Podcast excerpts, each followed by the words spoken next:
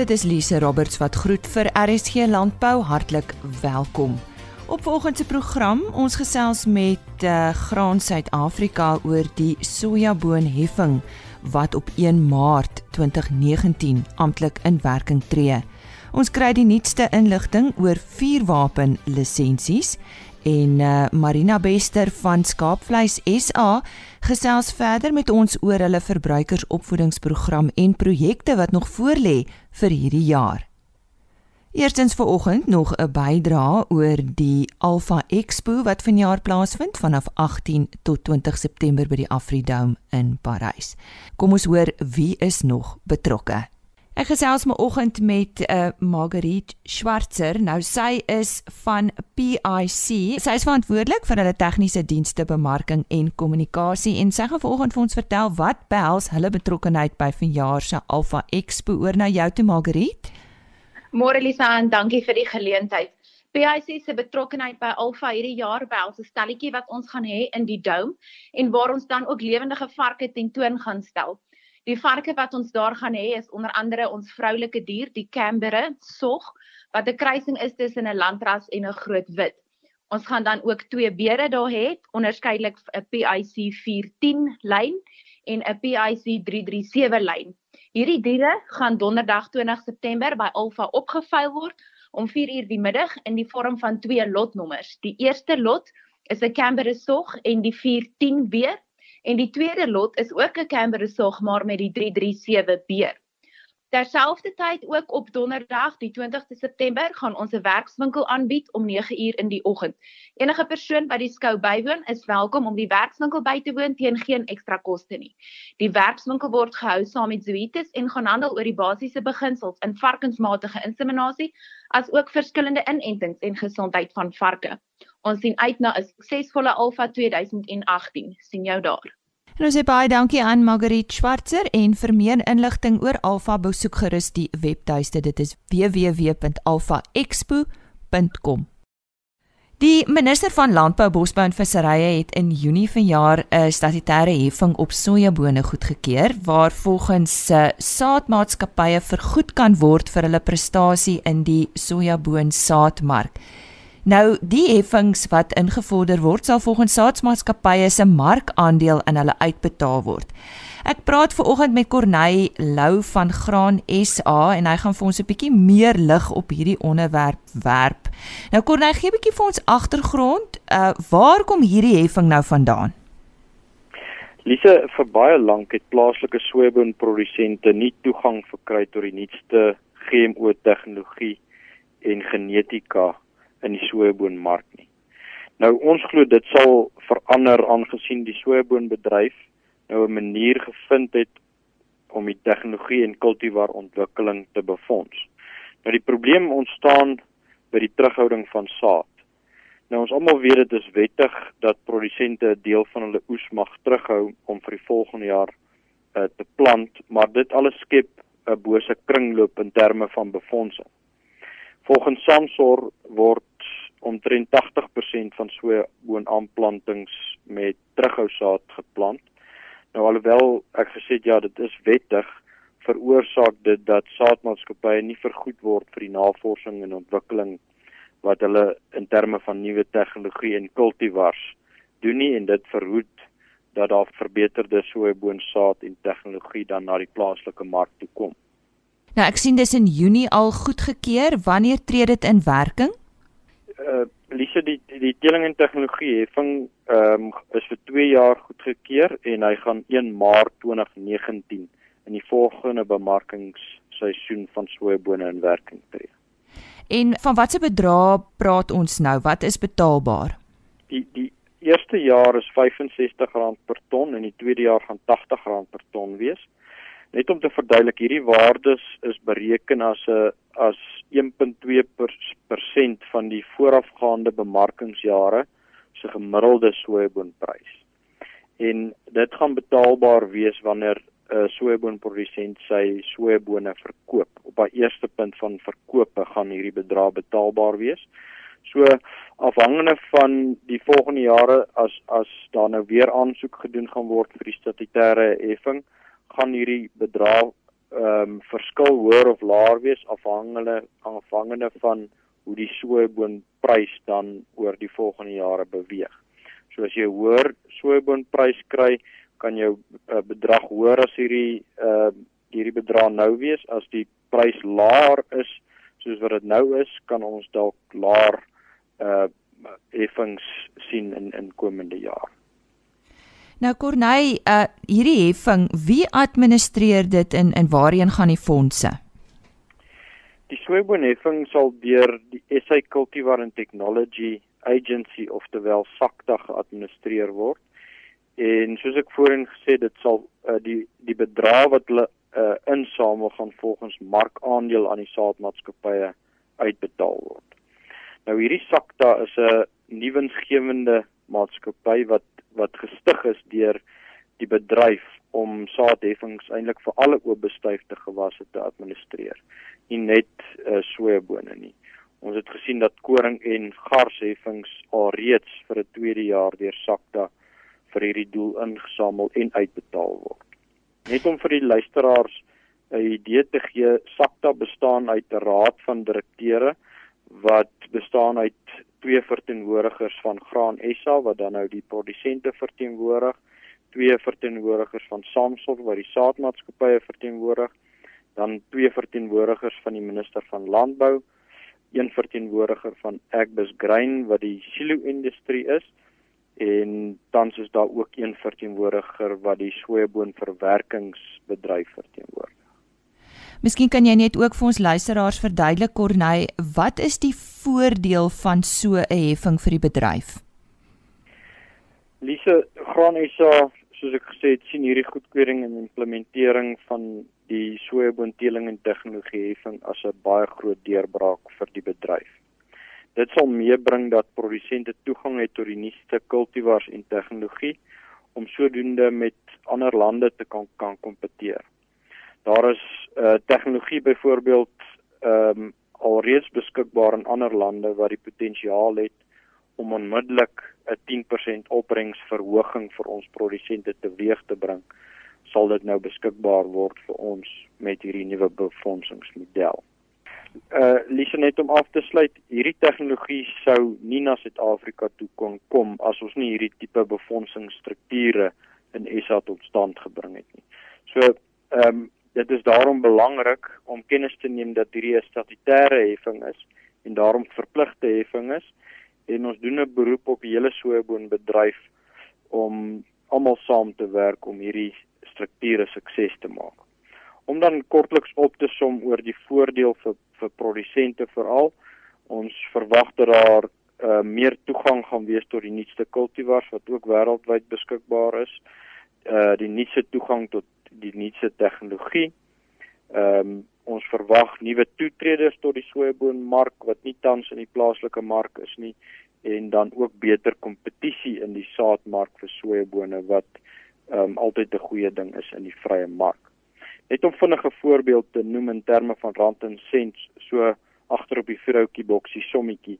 Gestel 'n produsent kry net 'n 10% opbrengsverhoging, gaan hy reeds teen huidige pryse 'n uh, ekstra R435 per ton beter afwees ehm um, teenoor die huidige scenario. Nou ja, dit was die uh, senior ekonom by Graan Suid-Afrika Corneille Lou en hy het ons meer vertel van die heffings vir sojabone wat op 1 Maart 2019 in werking sal tree. Ons gesels weer vanoggend met Marina Bester, sy is projekbestuurder vir Skaapvleis SA en is natuurlik ook 'n uh, vorm deel van die RPO. Nou Marina Skaapvleis is 'n definitiewe klassieke Suid-Afrikaanse gunsteling wat ons almal ken. Waarom dan 'n generiese verbruikersopvoedingsprojek? Goeiemôre Elise. Ja, nee, kyk, selfs groot wêreldbekende handelsmerke soos Coca-Cola en Nike hou nooit op kommunikeer en adverteer aan hulle verbruikers nie. Net so kan mens nooit op en ophou kommunikeer oor klassieke produkte soos Suid-Afrikaanse rooi vleis nie en in ons geval nou spesifiek skaapvleis. Veral in die wêreld waar ons leef. Daar is soveel lawaai en boodskappe wat ons omring. Ons moet seker maak dat ons stem hard en duidelik tussen dit alles uitkom. Want ons is verantwoordelik om hierdie produk in Suid-Afrikaners se gedagtes te hou en deurlopend te herinner aan die verbruike en voordele van Suid-Afrikaanse rooi vleis en spesifiek skaapvleis om sodoende 'n fondament te lê vir al die ander Suid-Afrikaanse skaapvleishandelmerke om dan verder te bemark. Marina, julle het verseker 'n baie breë teikenmark. Wat doen julle om seker te maak die regte boodskap val op die regte ore? Ja nee, ons ons teikenmark is definitief baie wyd, want ons wil natuurlik mos nou hê alle Suid-Afrikaners moet lief wees vir skaapvleis en dit wil bly eet. Maar die geheim lê daarin om jou teikenmark in teikengehore op te deel, want almal luister nie dieselfde nie en almal praat ook dieselfde taal nie. En hier praat ek nou nie van Engels, Afrikaans, Zulu, Ndebele nie. Ek praat van die feit dat party mense meer visueel kommunikeer en ander weer verkies om lang artikels te lees met baie feite. Ek is seker enige iemand wat op met TV of radio bemarking werk, sou kan saamstem mens kan nie net een platform kies nie, want nie alle verbruikers vind aanklank by dieselfde platforms nie. Net soos hulle op verskillende maniere kommunikeer, gebruik hulle ook verskillende platforms om op te kommunikeer. Byvoorbeeld, as mens nou gaan vir net tradisionele TV-advertensies, gaan mens waarskynlik 'n groot gehoor generasie X verbruikers hê. Maar Mens gaan dalk uitmis op generasie Y en generasie Z wat die jonger generasies is wat nie noodwendig meer tradisionele TV kyk nie en wat liewers verkies om hulle TV-programme te stream via die internet op hulle eie tyd of om op 'n uh, opvang um dienste kyk waar daar nie meer advertensies is nie. Daarom moet mens gaan kyk waar is die platforms waar hulle dan sal kommunikeer en seker maak mense is daar om nog steeds hulle aandag te hê. Goed, daarom fokus ons baie sterk om 'n geïntegreerde verbruikerskommunikasiestrategie te volg by Skaapvleis SA wanneer dit by verbruikersopvoeding op Suid-Afrikaanse skaapvleis kom. Ons probeer om ons boodskappe en projekte so divers moontlik te hou en aan te pas by elke gehoor in die taal waarna hulle luister en die taal waarin hulle praat en ons gebruik ook um opinieleiers en kospersoonlikhede wat reeds met ons produk werk, wat reeds 'n mark het en reeds weet wat se taal daardie mark praat. En ons noem hulle graag ons ambassadors, nie ons ambassadors nie. En um ons het baie samewerkingsgeleenthede die afgelope jaar gehad saam met ons ambassadors wat ons noem ons collaborations. Nou ja, ons hou lekker by met daai nuwe Afrikaanse um uh, vir Afrikaanse woorde. Nou jy het genoem jy voel dis baie belangrik om verbruikersopvoeding te doen met generasie Y en Z verbruikers. Hoekom sê jy so? So generasie Y en generasie Z, soos ek genoem het, is die jonger generasies. Generasie Y is natuurlik die millennials wat tans tussen die ouderdomme van 23 en 35 is. Mens kan so 'n jaar voor of agter bysit of aftrek. En dan um, volgens Suid-Afrikaanse statistiek is hierdie generasie Y, die millennials, tans 25% van die Suid-Afrikaanse bevolking. En um, hierdie generasie is glo die generasie wat ook eetkultuur heeltemal kom verander het. Hulle vra meer vrae oor wat in hulle kos is, wat hulle in hulle lywe sit en hulle gee ook om oor algemene gesondheid um en nie net oor gewigverlies nie. So dit is 'n hele nuwe aspek van gesondheid en reg eet waarna ons kyk.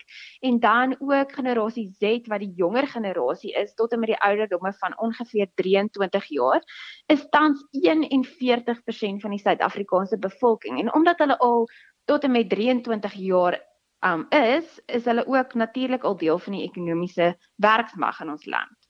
En verbruikersopvoeding is proaktief van aard. Daarom um het moet ons nog steeds fokus op generasie Y en Z. Al al het hulle nog nie die meeste koopkrag nie, is hulle die verbruikers van die toekoms en kan hulle reeds 'n groot rol in die huishouding speel in terme van die kos wat gekoop word en hoe dit gaar gemaak word en so aan. So natuurlik moet ons dan nou gaan kyk na die platforms waar hulle kommunikeer en die taal waarna hulle kommunikeer om seker te maak dat hulle ons produk aanhou ken. So beide hierdie generasies is met tegnologie gebore en ook die internet en hulle het nooit 'n keuse gehad of hulle wil deelneem daaraan of nie. Dit was klaar daar. Daarom heg ons baie waarde aan inligting wat vinnig en effektief kan um uitgaan na hierdie generasies toe sonder dat hulle te ver daarna hoef te gaan soek want daar is al reeds so baie boodskappe wat na hulle kant toe kom. Um hierdie is ook twee generasies wat nie daarvan hou om te lees nie en ons het ook nou al gesien hulle hou selfs nie daarvan om na lang demonstrasies te kyk nie. En um hulle is ook 'n generasie wat alles by hulle persoonlikheid en identiteit aangepas wil hê. So mense moet seker maak jy weet wat is die trends en jy weet waarmee dit is waarmee hulle besig is. So by Skaafvleis SA maak ons seker ons pas aan by hierdie generasie se behoeftes en um natuurlik beteken dit ons maak alles mooi en trendy en um so terloops ons doen al hierdie nuwe video reekse wat vinnig kort en effektief by hulle kan uitkom. Um julle kan daarna gaan kyk op ons Facebook bladsy. Dit is um Healthy Meat by Lemon Mutton SA. Ons YouTube is ook Cooking with Lamb en ook ons Instagram Cooking with Lamb. En ons nuutste reeks wat ons hierso het is Making the Cut. Dit is kort, lewendige klips van hoe verskillende skaapvleissnitte gesny word. Ons beeld dit uit in 'n manier wat ons voel die nuwe generasies van sal hou, sal verstaan, kort en kragtig. En ons het ook 'n lekker tong in die kies reeks vir al die dames met baie maklike vinnig vinnige skaapvleisresepte en die naam van hierdie reeks is Red Nails Messy Kitchen want ons glo moderne vrouens, jy weet, kan alles doen. En dan is ons ook nou al vir 3 jaar sterk aan die gang met ons The Bearded Chef reeks wat nog um al die pad mense vermaak met al sy interessante skaapvleisresepte. Ons het al gesien die manne hou baie van hierdie reeks spesifiek. En ja, so ons maak seker ons het iets waarvan elke gehoor sal hou en insluitend die nuwe jonger generasie. Marina, waarna kan ons nog uitsien hierdie jaar? So soos ek reeds genoem het, het ons lekker samewerkingsgeleenthede met ons ambassadors en daar is nog 'n hele paar op pad. Ons het al lekker saamgewerk met Jan Braai hierdie jaar en ook Bertus Bason by die Woordfees. Ons is by die Fire and Feast Mes, um, Meat Festival. Maar waarna ons baie uitsien is Erfenis Maand wat ons by die Kotta Festival in Soweto is. Die Kotta is 'n tradisionele gereg wat hulle in die townships maak en ons wys hoe mense bietjie skaapvleis daarin kan inkorporeer en dan ook die Sisha Nyama Festival in Durban wat hulle hulle manier van 'n braaifees is. Ons gaan ook daarbey betrokke wees. Maar luisteraars kan gerus ons Facebookblad dophou Healthy Meat Palam en Mutton SA waar hulle kan sien waarmee ons besig is en as hulle nie die geleenthede kan bywoon nie, kan hulle dit beleef deur ons foto's en video's wat ons ook daarop gaan laai. Nou ja, ons sê baie dankie aan Marina Bester. Sy's projekbestuurder vir Skaapvleis SA en sy het ons nou net sommer lus gemaak vir skaapvleis. En nou gesels Henny Maas en sy gas oor ons vuurwapen lisensies. Ons uh, gesels met Fred Kamfer, hy is die hoofuitvoerende beampte van die Suid-Afrikaanse Jagters en Wildbewaringsvereniging. Nou ons het al baie met hom gepraat oor die uh, hele saak oor vuurwapen eienaars in Suid-Afrika. Uh, waar staan ons nou met uh, met die hernuwing van vuurwapen lisensies?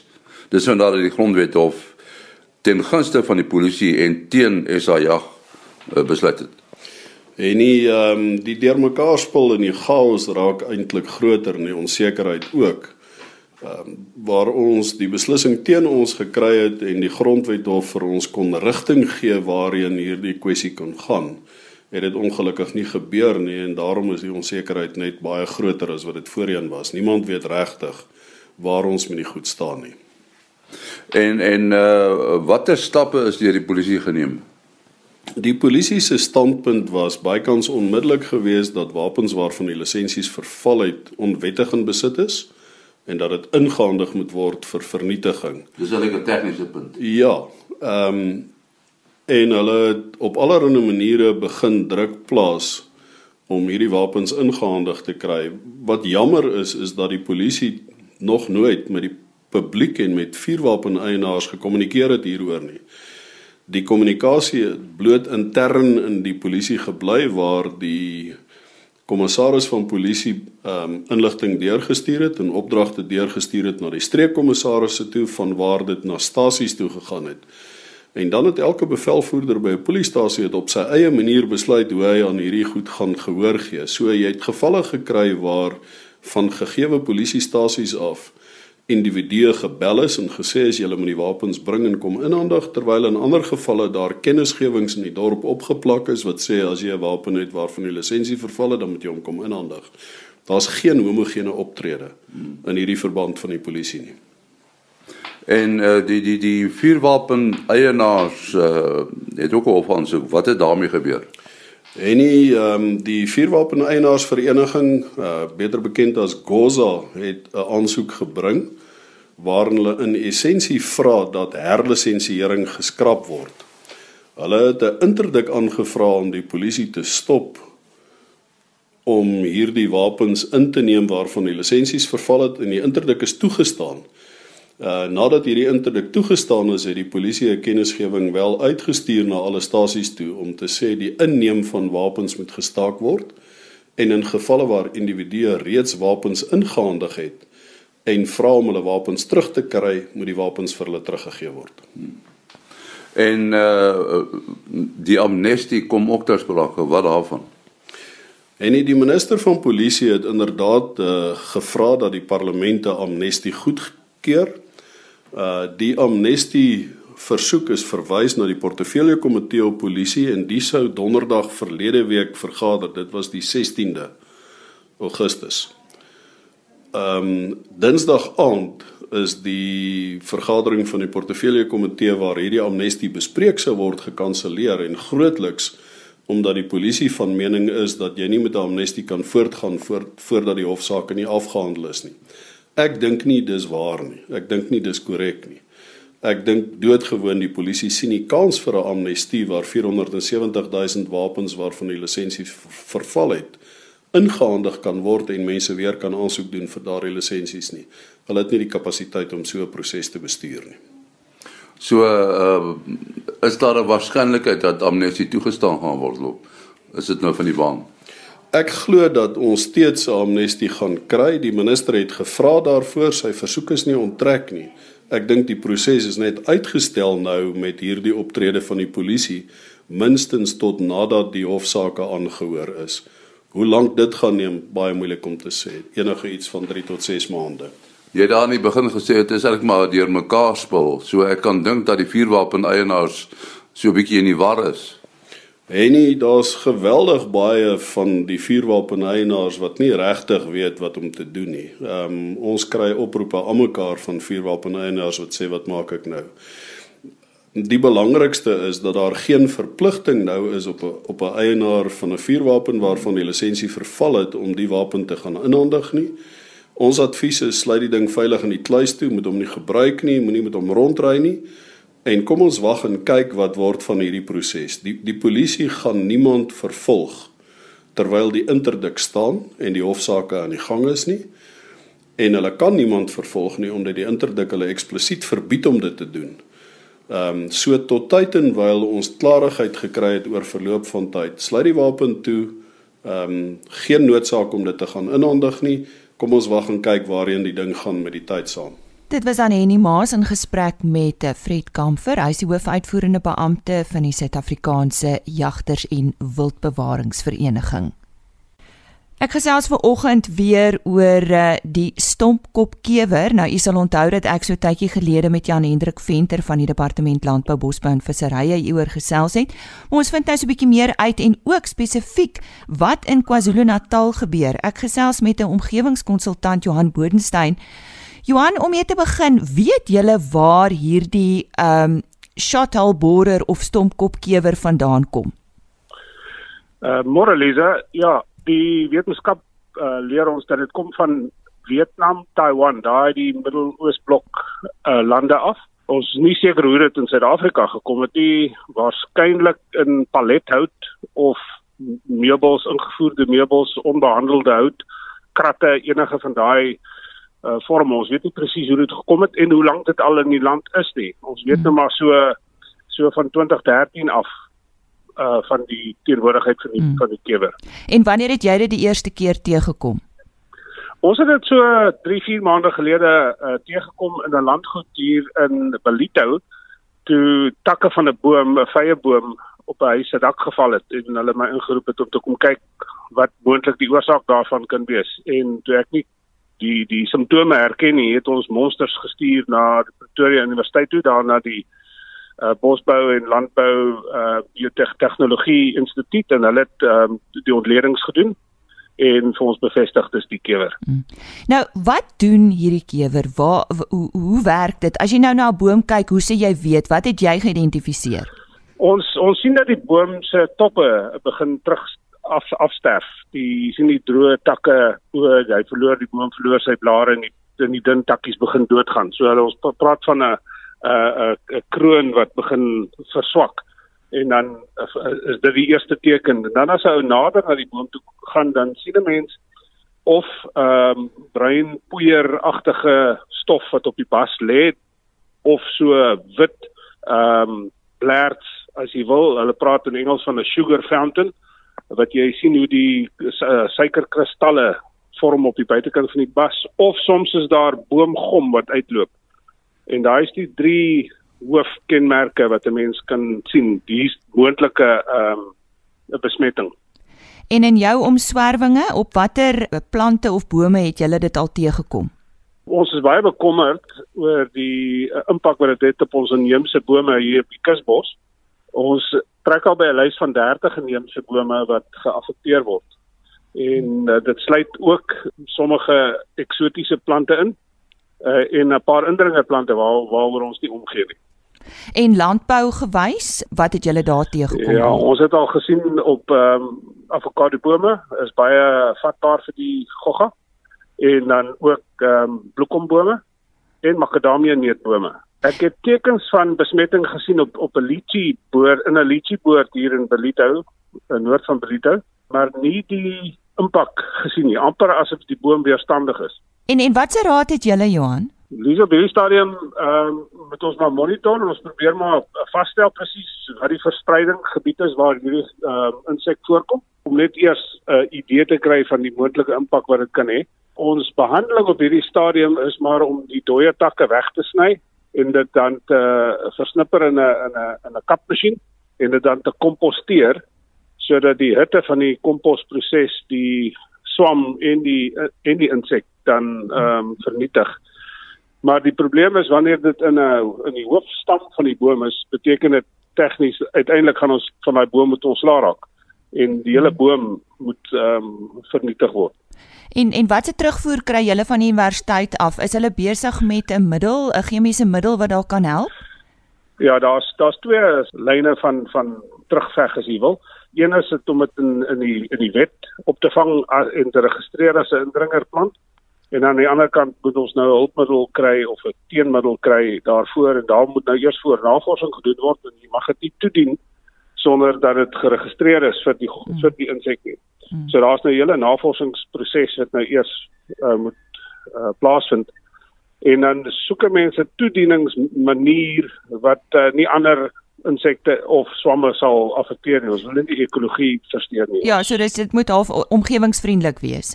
Korrek. Ons het min tyd. Ons, ons sien die die impak wat dit het op bome reeds, het ons nie baie tyd nie. Ons het nie die leksheid van tyd nie. Ons gaan moet redelik vinnig beweeg. Dink jy daar sekere klimaatstoestande wat bydra tot die verspreiding, byvoorbeeld hitte soos daar by julle? Die probleem is die die die insekte sal uh, waargeneem in die Sandton omgewing, in Hartswater, in George, in Pietermaritzburg waar dit ook koud word. So lyk my klimaat is nie heeltemal 'n beperkende faktor nie. Hmm. Seker omdat die gogga diep in die boom in inboor en uh, sy galery dan hy uh, binne in die boom jy sien een gaatjie van buitekant af wat ingaan en maar binne in die hout maak hy 'n galery van 'n aantal uh gangetjies en dan boer die mannetjie daar met 'n paar wyfies binne die binne in die gangetjie. Mm, mm. En so alles binne in die boom, so buite eksterne temperatuurfaktore gaan hulle seker minder affekteer as wanneer hulle net onder die bas sou sou gewees het. Hulle is dieper in die hout in.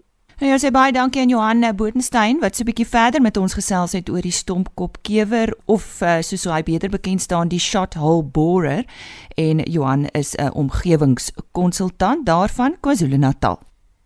Dit bring ons dan ook aan die einde van vandag se program. Onthou môreoggend weer in te skakel, dan praat ek onder andere met Janie de Villiers van Graan SA oor Nampo wat nou ja vanjaar ook in die Kaap aangebied word. Ons gesels ook oor die My Farm Web tegnologie vir die graanboer.